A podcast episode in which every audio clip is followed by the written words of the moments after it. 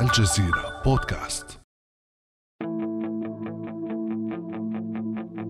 ثلاثة عقود من الزمن مرت على آخر حرب شهدها إقليم ناغورنو كاراباخ بين أذربيجان وأرمينيا. الطرفان يقفان اليوم على فوهة بركان نشط تشعل حممه معارك تدور رحاها للأسبوع الثاني على التوالي وتعد الأسوأ منذ آخر اشتباكات بين البلدين عام 2016 ويزداد الوضع تعقيدا مع تعطل الآلة الدبلوماسية وفشل جهود الوساطة والتهدئة فما هي أسباب هذا التصعيد؟ وهل تنذر هذه الحرب بالتوسع؟ وما تداعياتها على منطقة جنوب القوقاز؟ ولماذا فشلت حتى الآن جهود الوساطة والتهدئة؟ بعد أمس من الجزيرة بودكاست أنا خديجة بن جنة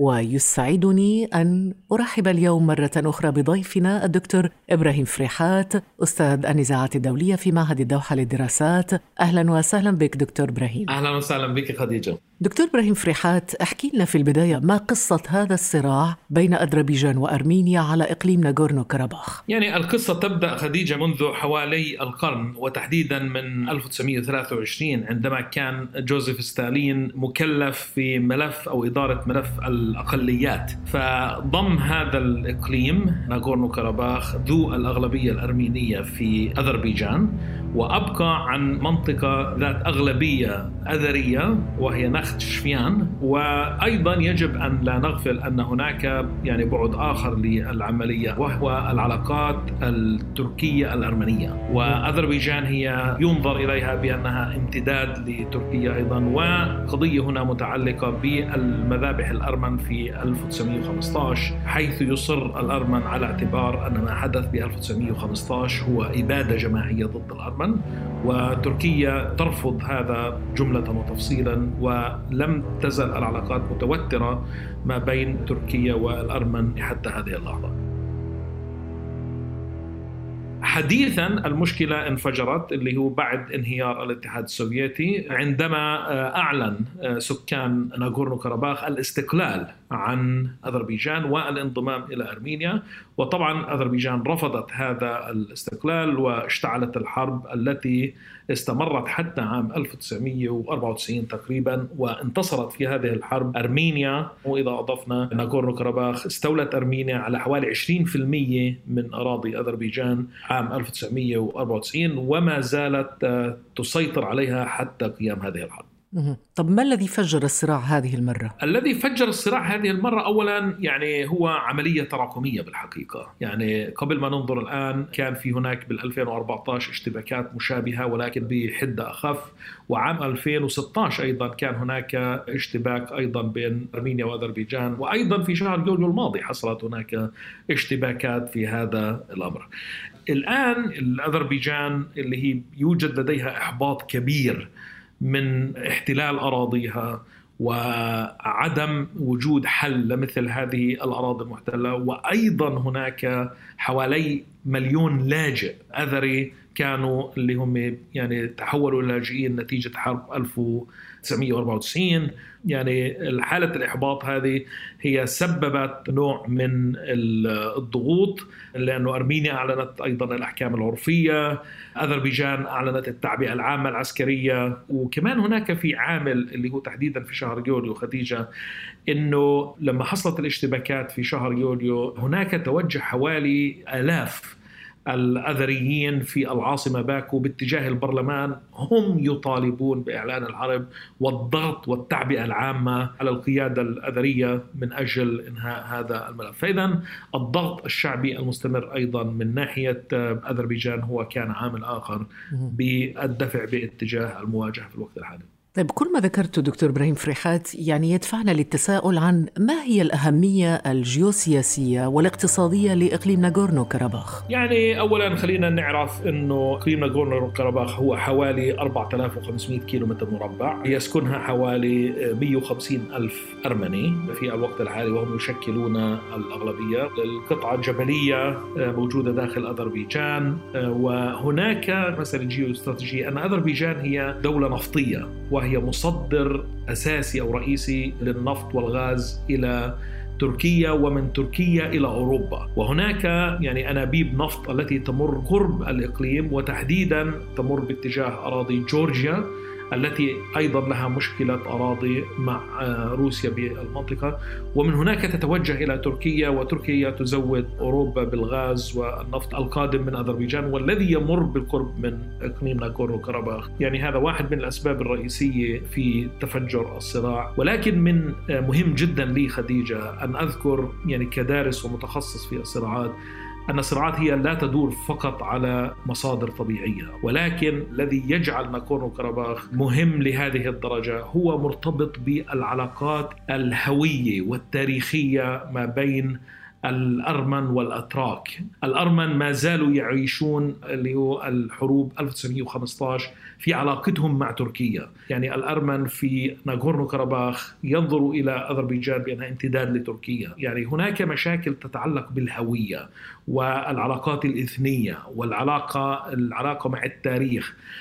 وأيضا ما نسميه في علم الصراعات الصدمة المختارة أو التشوزن تراما الأرمن ينظرون إلى المسألة بأن هناك صدمة تاريخية بالنسبة لهم يتم دائما الرجوع لها ويروها في العلاقات مع الأتراك أو الأذربيجانيين بهذا الاتجاه. نعم، هذه تفاصيل التي لها علاقة بالهوية والتاريخ دكتور إبراهيم، هل تفسر هذا الدخول القوي لتركيا وراء أذربيجان؟ بكل تأكيد، هناك مقولة أذربيجان وتركيا دوله تين لشعب واحد. وعلى لسان أردوغان لم تخفي دعمها الكامل وغير المشروط والميداني العسكري والدبلوماسي أيضا. بحسب التصريحات التركية بدعمها إلى أذربيجان وعلى اعتبار أن الأذريين هم أخوة بالنسبة إلى الأتراك وأيضا يعني امتداد لهم بهذا الاتجاه وأعلنت استعدادها إلى توفير كل أشكال الدعم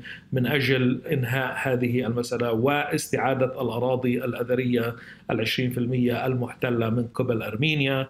طيب كي نفهم كل أطراف الصراع في هذه الأزمة، فهمنا أن تركيا تدعم أذربيجان سياسيا وعسكريا، من يقف وراء أرمينيا اذا؟ أرمينيا داعم الأساسي لها يعتبر على افتراض روسيا وتربطها العلاقة هي ليس فقط داعمة اسميا ولكن أو بموقف سياسي. هناك المسألة مرتبطة باتفاقات أمنية في الحقيقة وهنا تحديدا أشير إلى اتفاقية الأمن الجماعي. CSTO ما يقال لها تقودها روسيا وأعضاء فيها أرمينيا وأيضا كازاخستان وطاجكستان ودول أخرى من الكوكاز. هذه الاتفاقية الأمن الجماعي هي باعتبار ناتو الكوكاز، يعني الاتفاقية الأمنية التي تستوجب على روسيا أن تدعم أرمينيا عسكريا إذا تعرضت إلى عدوان من قبل دولة أخرى. هذا على مستوى الاتفاقيات الأمنية والدعم العسكري. العلاقة مع روسيا هي فيها نوع من الإحباط لأرمينيا بأنها يعني غير راضية عن دعم الروسي على اعتبار أنه غير كافي، والسبب في ذلك أن روسيا تنظر إلى الثورة المخملية التي حدثت في أرمينيا عام 2018 بأنها أفرزت قيادات أرمينية موالية للغرب أكثر من ولائها لروسيا. فروسيا هي ليست يعني متشجعة ومتحمسة كثيرا لهذه القيادات التي أفرزتها الثورة الأرمينية. بنفس الوقت أيضا روسيا تبيع أسلحة كثير إلى أذربيجان فهي أصبحت توازن علاقاتها بعض الشيء مع أرمينيا وأذربيجان بهذا الاتجاه. دكتور ماذا عن إيران؟ إيران هي دولة تقف إلى جانب أرمينيا التي هي تعتبر دولة مسيحية وإيران دولة شيعية وبنفس الوقت أذربيجان هي ذات أغلبية شيعية أيضا، فهناك تناقض على المستوى المذهبي أن إيران يعني تقف إلى جانب أرمينيا بهذا الاتجاه. بالحرب الأولى كانت إيران في البداية تحاول أن تدعم أذربيجان ولكن الموضوع معقد أكثر هو مرتبط بقضايا سياسية ان أن أذربيجان هي مرتبطة بعلاقات منفتحة ومتقدمة مع الولايات المتحدة ومع إسرائيل أيضا. وهذا طبعا بالنسبة لايران خط أحمر العلاقة مع إسرائيل أن تكون على حدودها. طب هذا على المستوى السياسي دكتور إبراهيم فرحات على الأرض هناك اتهامات متبادلة بين الطرفين بخصوص التورط الأجنبي في القتال على الأرض. هل تعتقد فعلا أن هناك مقاتلين أجانب يدعمون كل طرف؟ يعني هذه تتعلق في معلومات أكثر منها تحليل سياسي. الرئيس سيركسيان في أرمينيا اعترف أن هناك أخوة أرمن هم يدعمون أرمينيا وانضموا إلى القتال وقال أنه لا غضاضه في في ذلك، أذربيجان تنفي بشكل مطلق وتركيا أيضا تنفي هذا الموضوع، حتى الآن لم نشاهد يعني أي مؤشر أو أي دليل evidence إثبات أنه فعلا هناك مقاتلين من سوريا انضموا إلى الحرب لصالح أذربيجان. هلا نظريا يمكن القول ان أن هذا وارد يعني مرتبط بعلاقات هوية وإثنية ودينية وإلى آخره وأيضا تركيا لها وجود في المنطقتين في سوريا وفي أذربيجان ولكن هل هذا فعلا هو الحال؟ هذا يعني لم نلاحظ أن هناك حتى الآن حتى هذه اللحظة أن هناك دليل مادي مثبت على أن هناك مقاتلين أجانب لصالح أذربيجان.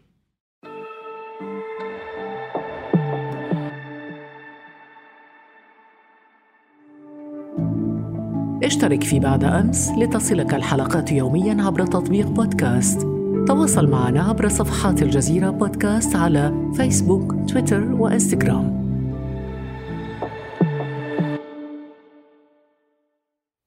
لو انتقلنا دكتور إبراهيم فريحات للحديث عن الجهود الدبلوماسية المبذولة الآن لحل الصراع بين أرمينيا وأذربيجان، ما الذي يعرقل برأيك دكتور إبراهيم جهود الوساطة ومبادرات الحل؟ هذا سؤال مهم جدا خديجة وباعتقادي إنه فشل الجهود الدولية هو كان السبب بتفجر هذا الصراع على اعتبار أن من يقوم في الوساطة ما بين الطرفين هي مجموعة ال Minsk Group والتي تأخذ رئاستها روسيا وأمريكا بشكل متساوي وأيضا فرنسا هي عضو من هذه المجموعة. منذ عام 1994 خديجة هناك أربع قرارات صادرة من مجلس الأمن تدعو إلى الانسحاب الأرميني من الأراضي الأذربيجانية. لكن حتى هذه اللحظة لم يتم الاستجابة إلى مثل هذه القرارات ولم تتحرك الأطراف الوسيطة من أجل أن يكون هناك مفاوضات جدية ما بين الأطراف بتنفيذ قرارات مجلس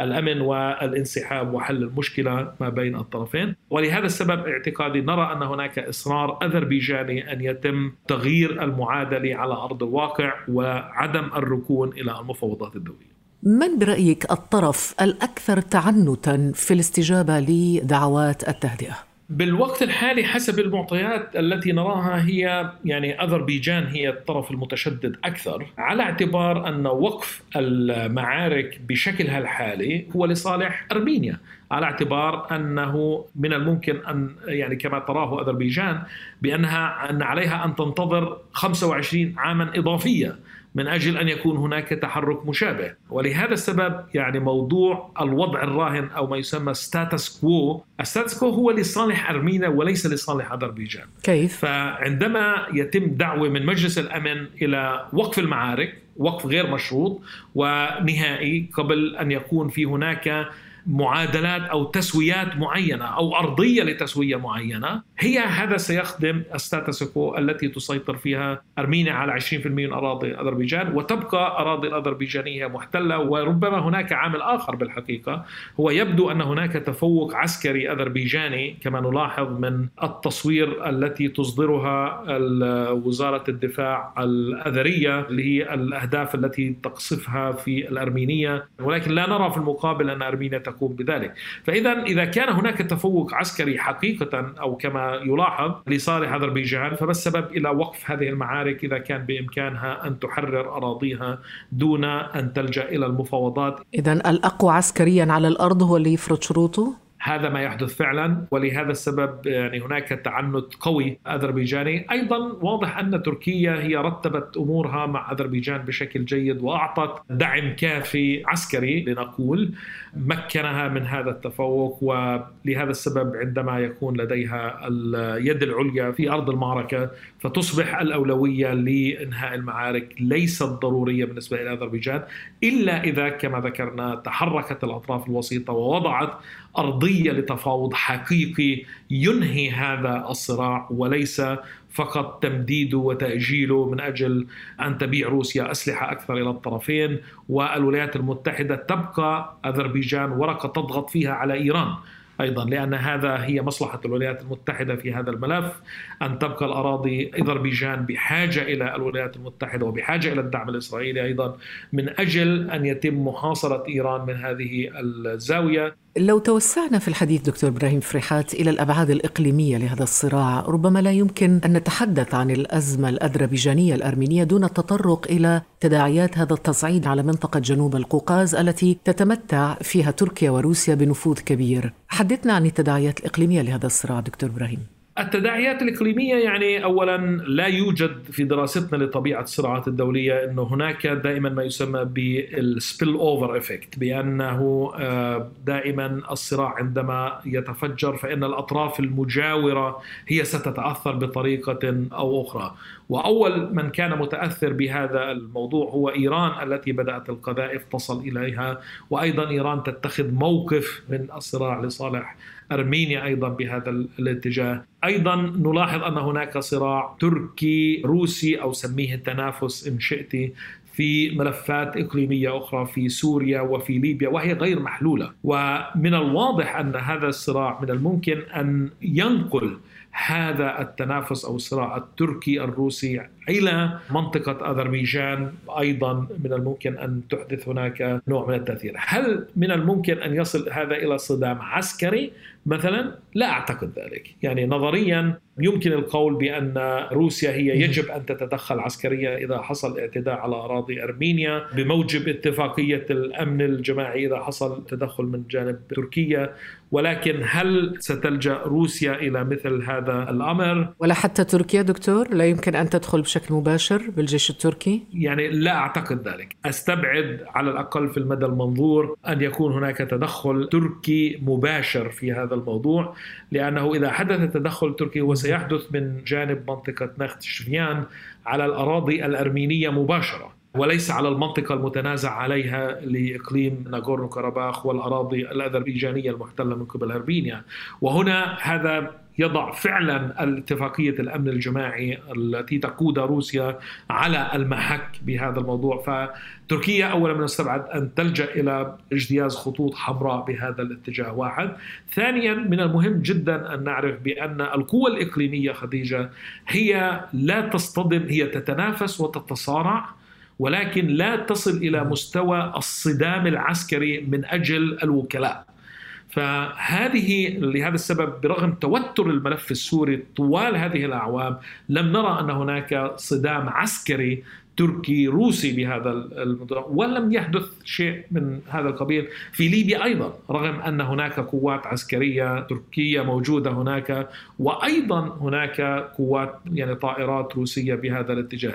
فهذه من قواعد اللعبة في الصراعات الدولية ما بين القوى الإقليمية والدولية إلا في حالات نادرة جدا عندما تخرج الأمور عن السيطرة الميدان يفرض المعادلة على هذا الاتجاه. فلماذا ستخوض روسيا روسيا صدام عسكري مع تركيا من أجل أرمينيا. هذا غير وارد. وأيضا تركيا أذربيجان تحقق اللي هو آه، تقدم على المستوى العسكري وزودتها بالأسلحة. فلماذا يحدث الصدام العسكري؟ لهذا السبب أنا أستبعد على الأقل في المدى المنظور أن يكون هناك تدخل أو صدام عسكري من هذا القبيل. ونفس المبدأ ينطبق على إيران وعلى القوى الأخرى. فتبقى الصراع الصدام العسكري محصور بالأطراف المباشرة التي رغم أن لديها قضايا مهمة ولكن هي أيضا تعمل بمبدأ حروب الوكالة للأطراف نعم. الإقليمية نعم. سيبقى محصور في الأطراف المباشرة ولكن هل هناك أطراف مستفيدة من هذا الصراع؟ روسيا هي مستفيدة من هذا الصراع على اعتبار أنها لا تخسر دولار واحد أو حتى مقاتل روسي واحد. أيضا إسرائيل تبيع أسلحة متطورة إلى أذربيجان في هذا الموضوع فهي بالتأكيد مستفيدة من هذا الجانب. الولايات المتحدة كذلك هي أيضا تبقي الحاجة الأذربيجانية إلى الولايات المتحدة بهذا الاتجاه. إذا فعلا حققت نتائج ملموسة على الأرض من الممكن أن تكون تركيا مستفيدة أيضا ولكن لا يوجد أطراف متضررة بشكل أساسي سوى الأطراف المتصارعة نفسها وهي التي تدفع الثمن الأكبر في أي صراع بهذا الموضوع. ولهذا السبب من المهم أن يعرف ليس فقط في أرمينيا وأذربيجان ولكن في العالم العربي أيضا أن الوكلاء هم من يدفعون الثمن ودول الراعية أو الداعمة هي التي تستفيد من مثل هذه الصراعات. الشعب الأرميني والشعب الأذربيجاني هم الخاسرين الأكبر في هذا الصراع. يعني بنهاية المطاف من الممكن أن لا يكون هناك رابح أبدا من جهة أرمينيا وأذربيجان في هذا الصراع ولكن هناك خاسرين فقط.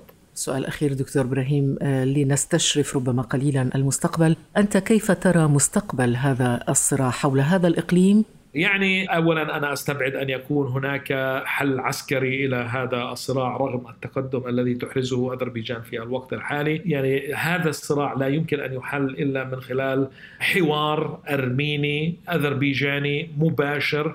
حقيقي باستطاعته أن يصل إلى تسويات معينة على مبدأ الرابح الرابح الذي يضمن وحدة الأراضي الأذربيجانية كما تريد أذربيجان ولكن بنفس الوقت أن يكون هناك الاستقلال التام لأرمينيا وناغورنو كاراباخ من أجل أن تنتهي معاناة الطرفين التي كما ذكرنا في بداية هذا اللقاء يعني استمرت لقرن من الزمان في الوقت الحالي. ولهذا السبب باعتقادي وعي القيادات الأذربيجانية والارمينيه بنقاش صيغ حقيقية للصراع هو بداية الحل وعدم الركون إلى الحل العسكري من أجل أن يحل الصراع لصالح الطرف. أشكرك جزيل الشكر دكتور إبراهيم فريحات أستاذ النزاعات الدولية في معهد الدوحة للدراسات. ألف شكر لك دكتور. ألف شكر لك خديجة. يمكنكم الاستماع للمزيد من الحلقات الشيقة من الجزيرة بودكاست عبر مختلف تطبيقات بودكاست. كان هذا بعد أمس.